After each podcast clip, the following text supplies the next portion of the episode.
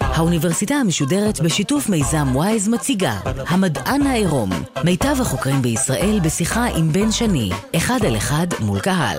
והפעם שיחה נוספת עם הדוקטור דגנית פייקובסקי מהתוכנית ללימודי ביטחון ודיפלומטיה באוניברסיטת תל אביב על הפוליטיקה של החלל.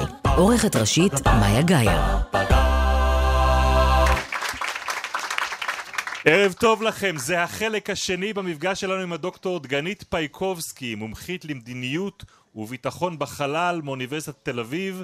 במפגשים האלה אנחנו מדברים על חלל, אבל מכיוון אחר לגמרי מזה שאנחנו עוסקים בו בדרך כלל כאן. הדוקטור פייקובסקי חוקרת את הפוליטיקה של החלל. בחלק הראשון של המפגש דיברנו על מה שדוחף מדינות לצאת מגבולות כדור הארץ אל החלל החיצון.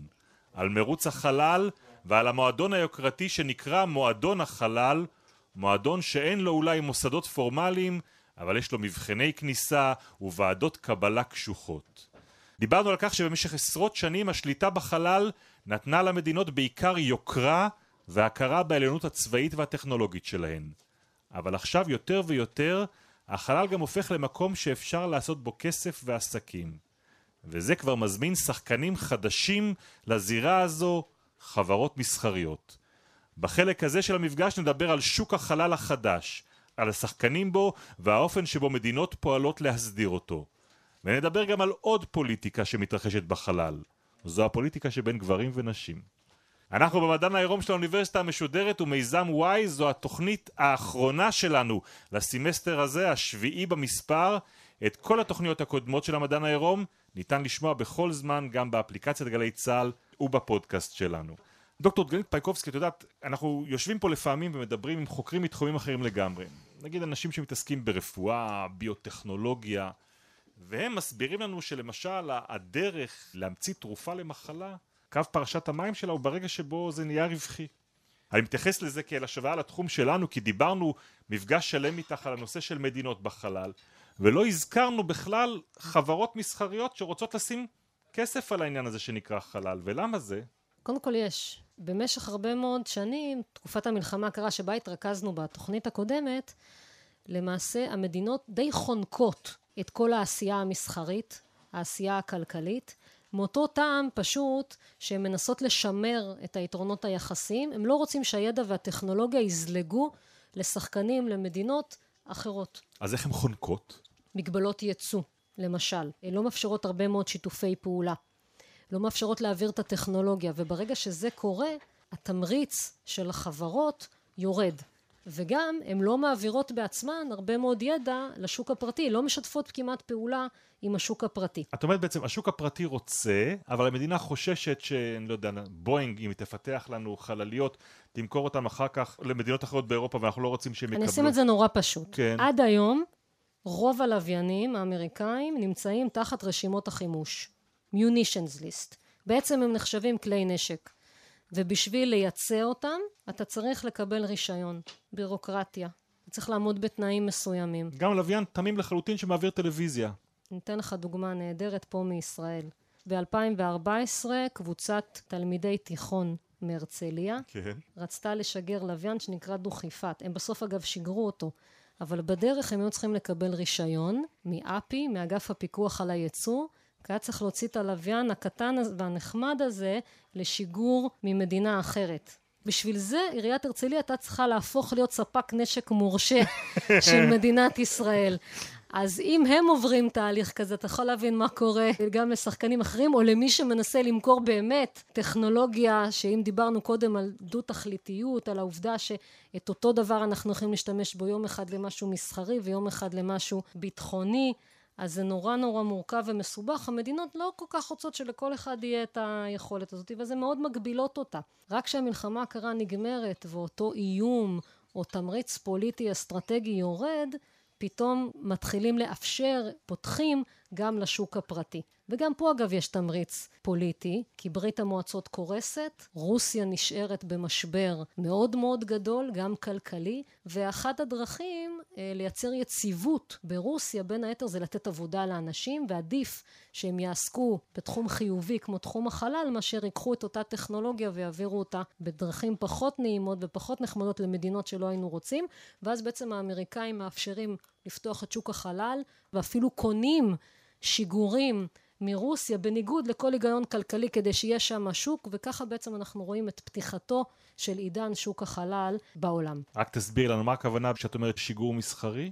שיגור מסחרי זה בעצם שיגור שכל מי שרוצה והממון מצוי בידו משלם לחברה שיש לה משגרים לחלל והיא מעלה את המטען שלו. בראש ובראשונה רוב השוק זה לווייני תקשורת שמעבירים מידע ממקום למקום על כדור הארץ. רוב השוק הוא כזה. זה יכול להיות גם אסטרונאוטים, זה יכול להיות הרבה מאוד דברים. אז תסברי לנו את האוזן, כי הרי כשאנחנו מדברים פה על חברות מסחריות, אני קודם כל מדמיין לעצמי באמת חברות שמשגרות דברים לחלל, אבל עוד לפני זה אני מניח יש הרבה חברות שניזונות מטכנולוגיית חלל כאן על כדור הארץ, חברות מסחריות. נכון. בעצם כשאנחנו חושבים על טכנולוגיות חלל, אנחנו למעשה יכולים לחשוב על טכנולוגיות מידע. מה שרוב הלוויינים עושים, הם עושים אחת משתי פעולות. או שהם מייצרים מידע בחלל ושולחים אותו לכדור הארץ, או שהם מעבירים מידע שנוצר על כדור הארץ, מעבירים אותו ממקום אחד למקום אחר.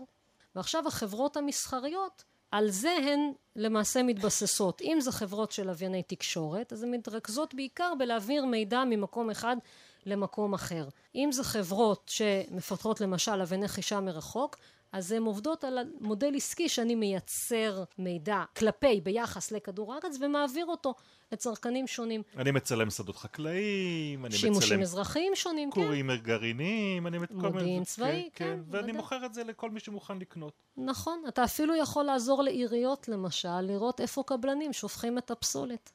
כי יש כל מיני שיטות צילום שבהם אתה גם יודע להגיד מהו החומר, ואז אתה גם יכול בעצם להרחיב את מגוון הפעולות שאתה עושה. את יודעת להגיד אין מה לזה קו- גבול מה בעצם. קו פרשת המים? מתי חברות מסחריות מתחילות להיכנס ולהסתכל על החלל כעל מקום שבו אפשר לעשות כסף? כן, אנחנו מסמנים את ההתחלה לפחות בשנות התשעים, אחרי שהמלחמה הקרה נגמרת, כי אז בעצם אותו תמריץ אסטרטגי מתעמעם, אפשר לפתוח את השוק, וגם הטכנולוגיה עצמה מתקדמת, זאת אומרת יש הוזלה משמעותית בעלויות, יש מזעור של טכנולוגיה, המחשוב מתחיל להתקדם, האלקטרוניקה, ואז בעצם אנחנו רואים שזה הופך להיות הרבה יותר נגיש, אבל אני חושבת שקפיצה נוספת נעשתה בעשר שנים האחרונות, כשלמעשה אנחנו רואים גם יזמים פרטיים עם חזון, משוגעים לדבר, עם כסף, שבאים ומייצרים מודלים אחרים וחדשניים, ומתחילים לשנות את השוק באמת ולהוריד את עלויות השיגור. כי עלויות השיגור זה הדבר המשמעותי שמקשה עלינו. אני רק אבל אסבר את האוזן מבחינת מספרים. בראשית שנות ה-80 שוק החלל הוא שני מיליארד דולר, בערך. היום, בערך 40 שנה אחרי, אנחנו מדברים על קרוב ל-400 מיליארד דולר בשנה. ב-40 שנה עברנו מ-2 מיליארד ל-400. כשאת סופרת בתחום הזה, הכל. גם שיגורים וגם שימוש בטכנולוגיה שמקורה ב... ובעיקר בלוויינים. שירותים. בעיקר, בעיקר, בעיקר שירותים. מה שהשתנה מאוד בעשר או אפילו פחות שנים האחרונות זה שתחום השירותים, זאת אומרת השירותים מבוססי טכנולוגיית חלל תופס היום יותר מ-50% מהשוק הזה. זאת אומרת שמדינה או תעשייה שלא נמצאת בעולם השירותים אלא רק נמצאת בעולם של לייצר את הטכנולוגיה עצמה, את השיגור או את הלוויינים, למעשה לא ממקסמת את מה שאפשר לעשות בשוק. זה נורא מעניין, כי אנחנו רגילים לחשוב על חברות מסחריות כעל מוטות רווח, הן מחפשות את המקום שבו אפשר לעשות רווח גדול, שם הן הולכות, הן לא ילכו למקום שבו אין להן רווחים. נכון. ואת אומרת שגם פה, לפני הרווח, באו משוגעים לדבר ודחפו את העולם העסקי לחלל? כן, אבל הם יכולים להיכנס לזה כשהם באמת מאמינים שזה אפשרי, שיום אחד זה גם יביא להם רווחים.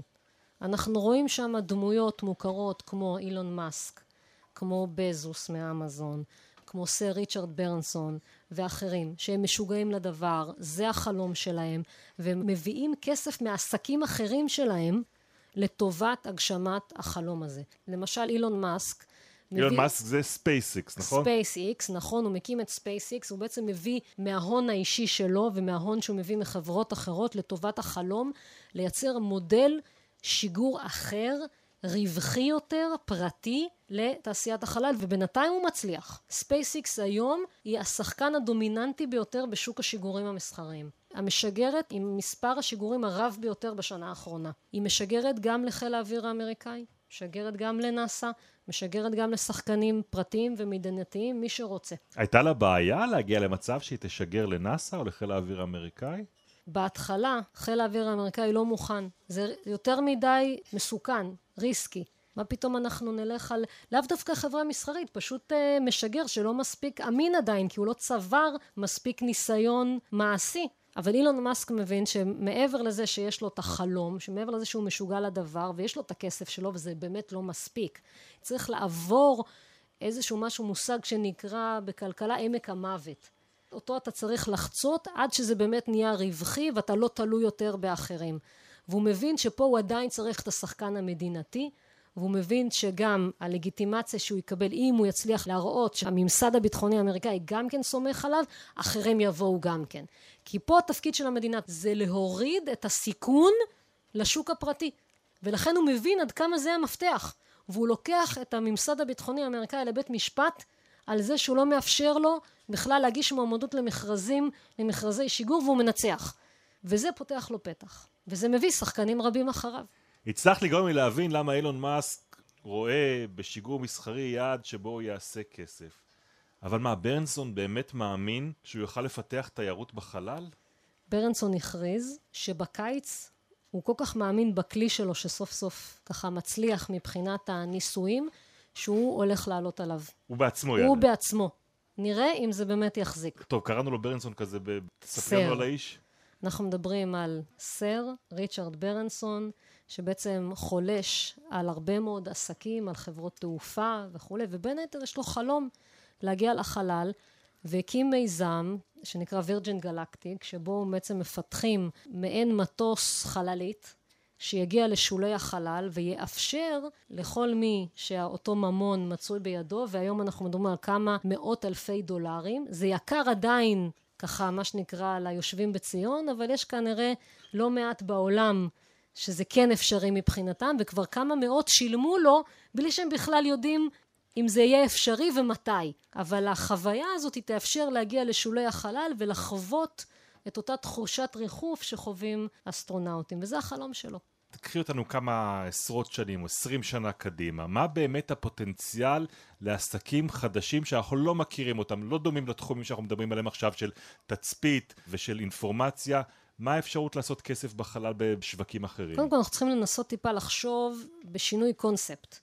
לעבור ממצב של שוק חלל, שבו בעיקר אנחנו רואים טכנולוגיה, כמו שאנחנו דיברנו עליה עד עכשיו, תומכת את החיים הרגילים שלנו פה על כדור הארץ.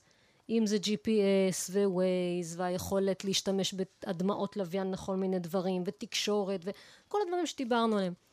למשהו אחר, לכלכלת חלל. למצב שבו סביבת החלל היא חלק מהחיים היומיומיים שלנו, וחלק מהחיים האנושיים מתקיימים גם בחלל. כמו בסרטים קולוניות על מאדים? גם. החל מתיירות חלל, אבל לא תיירות חלל לעשירים בלבד, אלא תיירות חלל לכל אחד. אם תרצה, בת מצווש בחלל. אולי לא בעוד עשר שנים, אולי בעוד עשרים, אולי בעוד חמישים. אם נרצה מספיק זה יגיע. תסתכל על עולם התעופה. ב-1903 האחים רייט דעו כמה מאות מטרים, כמה עשרות שנים אחר כך זה כבר חצו את האוקיינוס בטיסות מסחריות. אז אולי בחלל זה ייקח קצת יותר, כי זה יותר מורכב וזה יותר מסובך וצריך גם עוד להסדיר כל מיני דברים, אבל זה יגיע. אחרי זה אנחנו למשל מדברים באמת על תחנות קבע למיניהן. בהתחלה מדעיות, אולי רק של שחקנים מדינתיים, אולי רק לעשירים בלבד, מלון על הירח, יש כאלה שמדברים על הקונספט הזה. אולי כל מי שפעם בעבר קנה חלקה על הירח יוכל יום אחד לעשות את זה משהו. מה באמת עם מי שקנה חלקה על הירח? אז פה צריך להבדיל בין קניין וריבונות, okay. אוקיי. בהקשר הזה של מה מותר ומה אסור. אבל הדבר היותר מעניין, מעבר לבאמת מסעות למאדים, ופה יש שאלה אם גם, אם הם באמת יהיו דומים לאותם מגלי ארצות שלא חזרו, הרי רוב מגלי הארצות יצאו והתיישבו, הם לא חזרו. יש לא מעט, כולל מיודענו באז אולדרין שנחת על הירח, שהתפיסה שלו אומרת שמי שיוצא למאדים צריך לראות עצמו באמת כמגלה ארצות, ולא לצפות שיחזירו אותו. אז גם זה אנחנו יכולים לחשוב.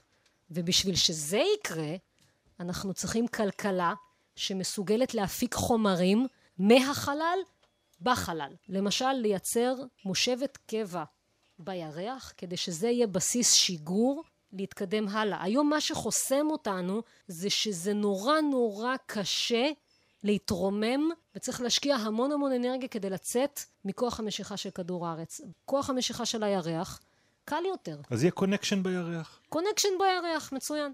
ואז אם תוכל להגיע לשם, בשלב ראשון להביא חלקים ולהרכיב חלליות בירח ומשם לצאת הלאה, ובשלב יותר מאוחר שכבר עובדים על זה היום, מפתחים את ה... עוסקים בזה מדענים וטכנולוגים וסוכנויות חלל ואחרים, לפתח את הטכנולוגיה, להפיק חומרים בחלל ממה שישנו שמה, זה אחת הדברים שנורא חשוב כשהמדענים אומרים לנו יש או אין מים בכל מיני מקומות, כי מהמים האלה אפשר להפיק הרבה מאוד דברים, חמצן ומימן בשביל הנאה.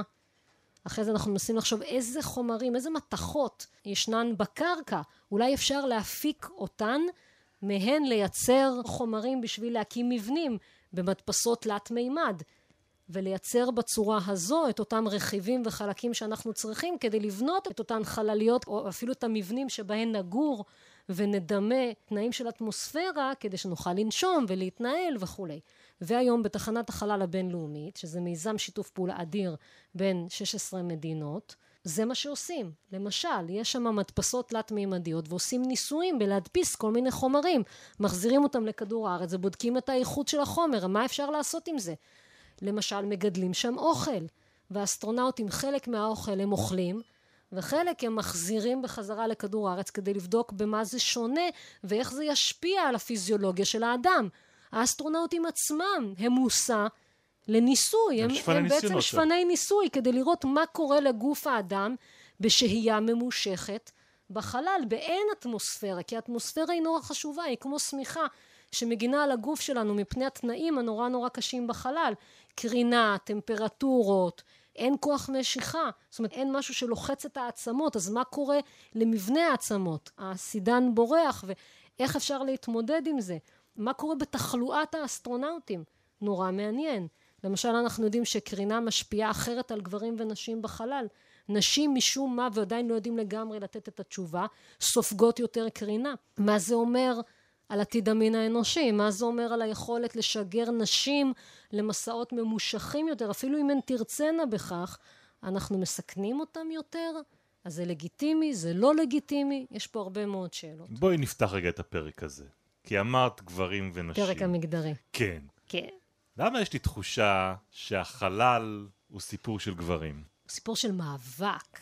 ישר מייצר לנו קונוטציות של מאבק גברי. אבל באמת, אם אנחנו נסתכל, איך קראו לזה בהתחלה בשנות ה-60? המונח המקצועי היה manned space flight. היום התקדמנו קצת, אנחנו מדברים על human space flight. אוקיי. Okay. אז באמת בהתחלה זה היה ברור שזה רק גברים בעסק. קשה לשפוט אותם אז באיך שנראית התרבות שלנו היום. אנחנו צריכים ללכת אחורה ולשאול את עצמנו איך נראתה התרבות, מה היה מקובל אז. ובשנות ה-60, 70% מהנשים היו עקרות בית. כדי לקחת משכנתה היו צריכות להיות נשואות, לא יכולו לקבל כרטיס אשראי, כל מיני דברים שהיום נראים לנו אה, ארכאיים. ובאמת, גם אז הסדר החברתי היה שונה. ואנחנו מתחילים מעידן שבו זה בכלל לא מתקבל על הדעת שנשים יהיו חלק מחוד החנית של תוכנית החלל. ויותר מזה, נכון שנשים נמצאות שם בכל מיני תפקידים, גם מדעניות וגם מהנדסות, אבל בצד היותר רך. למשל, את התוכנה של אפולו אחראית עליה אישה, דוקטור מרגרט המילטון. אבל למה? כי הנדסת תוכנה נחשבה אז ללא, לא באמת רציני. אפשר לתת את זה לנשים. גברים עוסקים בהנדסה, הם, הם בונים דברים. אז לאט לאט זה השתנה. ובאמת בסוף שנות החמישים, תחילת שנות השישים, יש סיפור מרתק של מאבק של נשים ללגיטימציה, להיות חלק מתוכנית החלל, אסטרונאוטיות, לארצות הברית. יש באמת איזושהי מגבלה פיזית, איזשהו יתרון לכוח פיזי של גברים בחלל? לא. עוד פעם, בתפיסת העולם שלי, לא. אבל בוא נראה שגם המדע מגבה את זה. כשנאס"א מחליטה שהיא יוצאת לתוכנית אה, מאוישת, צריך אה, לגייס מועמדים, צריך להחליט מי מתאים ומי לא. אנחנו יודעים מה, מה הקריטריונים, אף פעם לא עשינו את זה, צריך לגבש איזה שהם מבחנים. והם לוקחים אה, צוות רפואי חיצוני לנאס"א, ומבקשים ממנו שיבנה איזה שהם מבחנים. יש שם גם הרבה מאוד פיזיולוגיה, וגם לא מעט פסיכולוגיה של מה בסדר, מה כן ומה לא וכולי. ואותו צוות רפואי מגבש איזה שהם תבחינים כאלה, ומתחיל לבדוק את זה על כל מיני גברים. הם מחליטים שזה צריך להיות טייסים, בשלב הזה גם החלליות יחסית קטנות, אז הם צריכים להיות בגובה מסוים, לרוב נמוכים, אחרי זה זה משתנה וכולי וכולי וכולי. ועל דעת עצמו, הצוות הזה מחליט לדגום גם נשים. ככה. התפרעו. התפרעו לגמרי. כן. במבדקים זה מאוד מעניין. בסופו של דבר מצמצמים את הרשימה ל-13 נשים, כולן טייסות, עם מעל אלף שעות טיסה. חשוב להגיד, הם לא עשו הנחות לנשים בכלל. הן היו צריכות לעמוד בדיוק בדיוק בדיוק באותו דבר כמו הגברים. לא הייתה כאן שום אפליה מתקנת. יותר מזה הם מגלים שבחלק מהמבדקים הנשים השיגו תוצאות יותר טובות מהגברים. איזה מבדקים? בעיקר הפסיכולוגיים. שוב, הם מנסים לחשוב מה יקרה לאסטרונאוט בחלל, רובם היו אמורים לפחות בהתחלה לטוס לבד, אז תחשבו על זה, החללית זה משהו קטן, דחוס, אתה נמצא לבד הרבה מאוד שעות בסביבה חשוכה, מפחידה, זה משהו אחר, אז צריך לראות שהבן אדם הוא מספיק חזק מנטלית כדי לעמוד באתגר הזה. אז מה מדמה הכי טוב את סביבת החלל נטולת האטמוספירה? מים. אז הם לוקחים תא חשוך עם מים ומכניסים לשם את המועמדים ורוצים לראות כמה זמן הם יחזיקו מעמד עד שהם יבקשו לצאת. אז הגברים אחרי כמה שעות ביקשו לצאת. הנשים לא רצו לצאת. נשארו בפנים. יכול להיות הסיבות יותר גבוהה. אני אתן לך פרופיל של אחת מהן. אוקיי. ג'ייני הארט. הייתה נשואה לסנטור הארט. היא הייתה בת 40, היא הייתה טייסת, והיו לה תשעה ילדים. וואו. יש לי שלושה, שיהיו בריאים. אני חושבת שאם היו לי תשעה, גם אני הייתי רוצה לשבת בפנים ולא הייתי רוצה לצאת. גדול. רוב הנשים היה צריך להוציא אותן. להוציא אותן בכוח מהמכל מים. להוציא אותן בכוח, היה להם טוב. כן. עם המסקנות האלה, הוא שאנשים מגיע... עוברות את הגברים במבחנים או הפסיכולוגיים. לפחות לא נופלות מהגברים. זאת אוקיי. אומרת, לגיטימי לגמרי שהם יהיו שם, אף אחד לא עושה להם טובה. נאס"א מגלה את זה, מה פתאום חריגה מסמכות. של מי? אנחנו, של אותו צוות רפואי, אנחנו לא ביקשנו את זה, תעצור את זה ומיד. מפסיקים? וככה ככה. נחסמה תוכנית החלל בפני נשים? הם לא ויתרו, הם יצאו למאבק ציבורי, הם הגיעו לבית הנבחרים, היה שימוע, לשימוע הזה הגיעו אנשי נאס"א, הגיע למשל האסטרונאוט ג'ון גלן, ואז הוא שמה דיבר על זה שזה הסדר החברתי, וככה זה כנראה צריך להיות. על איזה אתם- שנה אנחנו מדברים? אנחנו מדברים על ראשית שנות ה-60, 61, 62, זה השלב. היה מאבק ציבורי, אבל סגן הנשיא שבממשל האמריקאי אמון על ענייני החלל, ג'ונסון, זה מגיע אליו, והוא יכול היה לשנות את זה, כי אם הוא היה רוצה, הוא היה מגדיר לנאס"א שכן, תכניסו את הנשים, הוא אומר להם בשיחה סגורה לשתיים מהמועמדות, מספיק עם זה, צריך לעצור את זה, כי אם אנחנו נאפשר לכם, אנחנו נצטרך לאפשר את זה לכל המיעוטים, אנחנו לא מסוגלים. בשלב הזה זה נעצר, אבל בתפיסה הציבורית, הציבור האמריקאי כנראה היה בשל לזה. כי יש לנו אסטרונאוטית אחת אמריקאית ב-1965.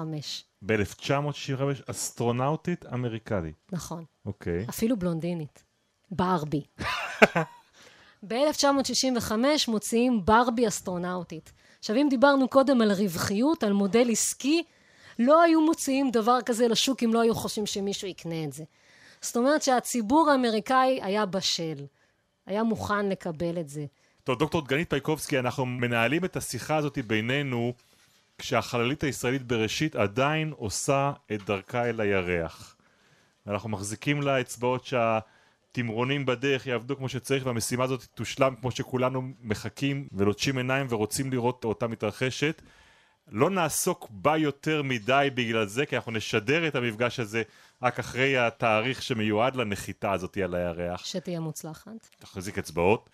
אבל אני רוצה לשאול אותך מה באמת, כי היית חברה בצוות כזה של ישראל. אם ישראל יש חזון, אם ישראל יודעת מה היא רוצה מעצמה בתחום הזה בהמשך. האם תסתפק בלשלוח לוויינים מערבה כדי שיסתכלו על מדינות האויב, או שהיא רוצה יותר מזה?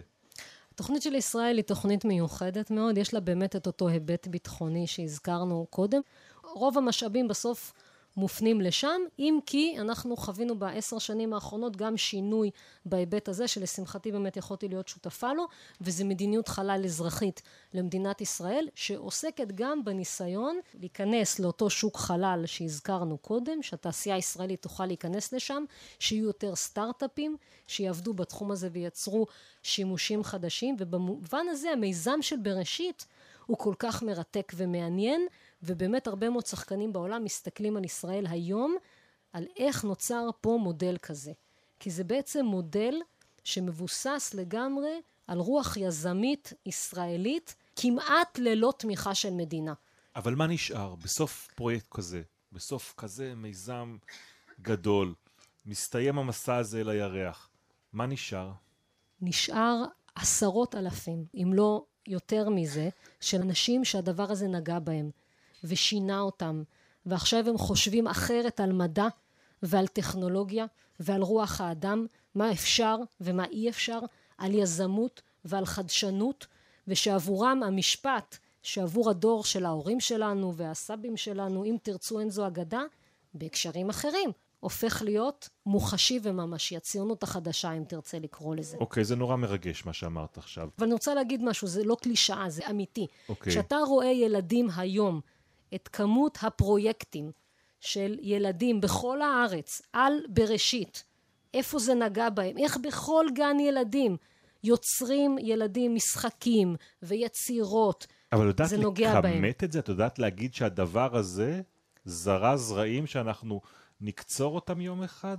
אנחנו יודעים במחקרים שנעשו בעולם בכלל לאורך שנים על ידי סוכנויות חלל ששלושה דברים מלהיבים אנשים ובעיקר ילדים ללמוד וללכת ולהתמקצע בתחומים של מדע וטכנולוגיה שהם כל כך חשובים היום לכלכלה המודרנית הדיגיטלית. חלל, רובוטים ודינוזאורים.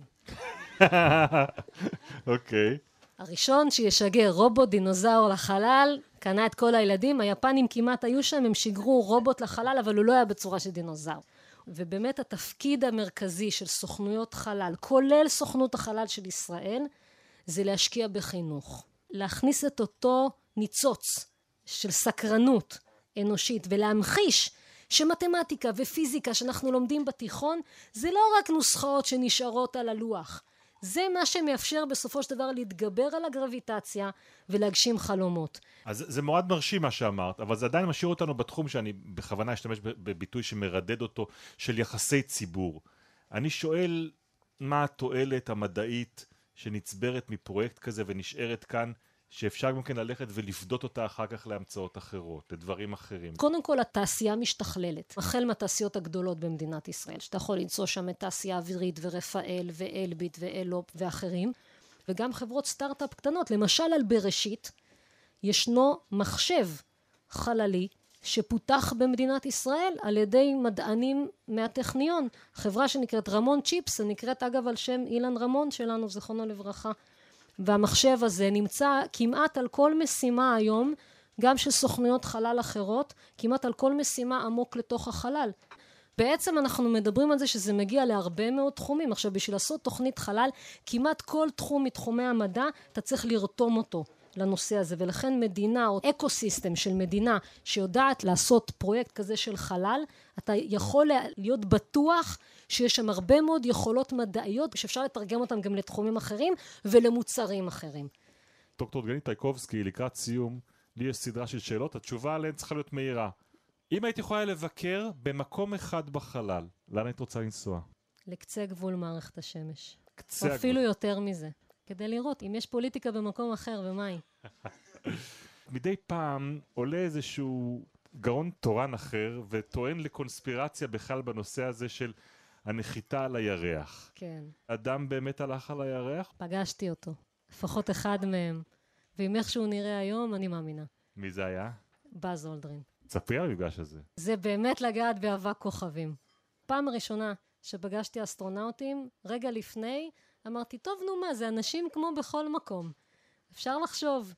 הם נכנסים בדלת עם המדים הכחולים, וזהו, ואתה לא מסוגל יותר חוץ מאשר להעריך לגמרי את המאמץ האדיר שהם עושים. טוב, דיברנו שעה וחצי על חלל, לא הזכרנו לפעם אחת חייזרים או חוצנים.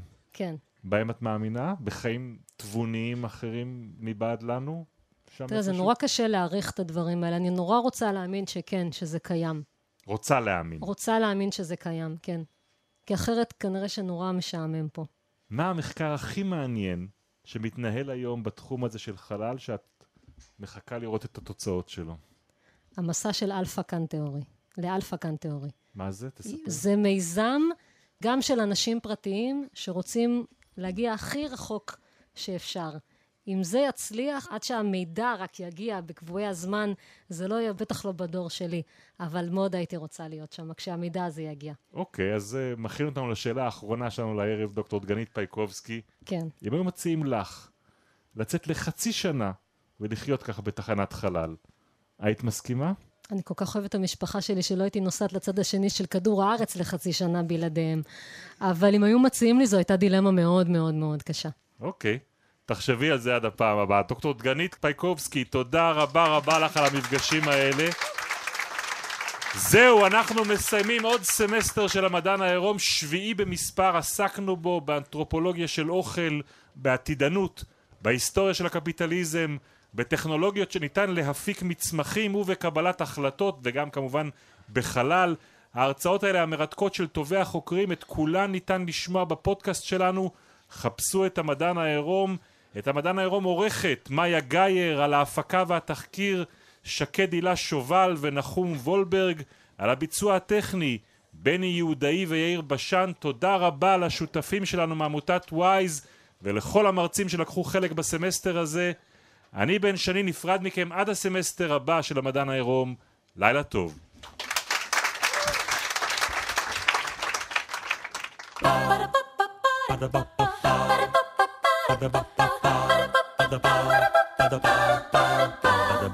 האוניברסיטה המשודרת המדען העירום. בן שני שוחח עם הדוקטור דגנית פייקובסקי מהתוכנית ללימודי ביטחון ודיפלומטיה באוניברסיטת תל אביב על הפוליטיקה של החלל.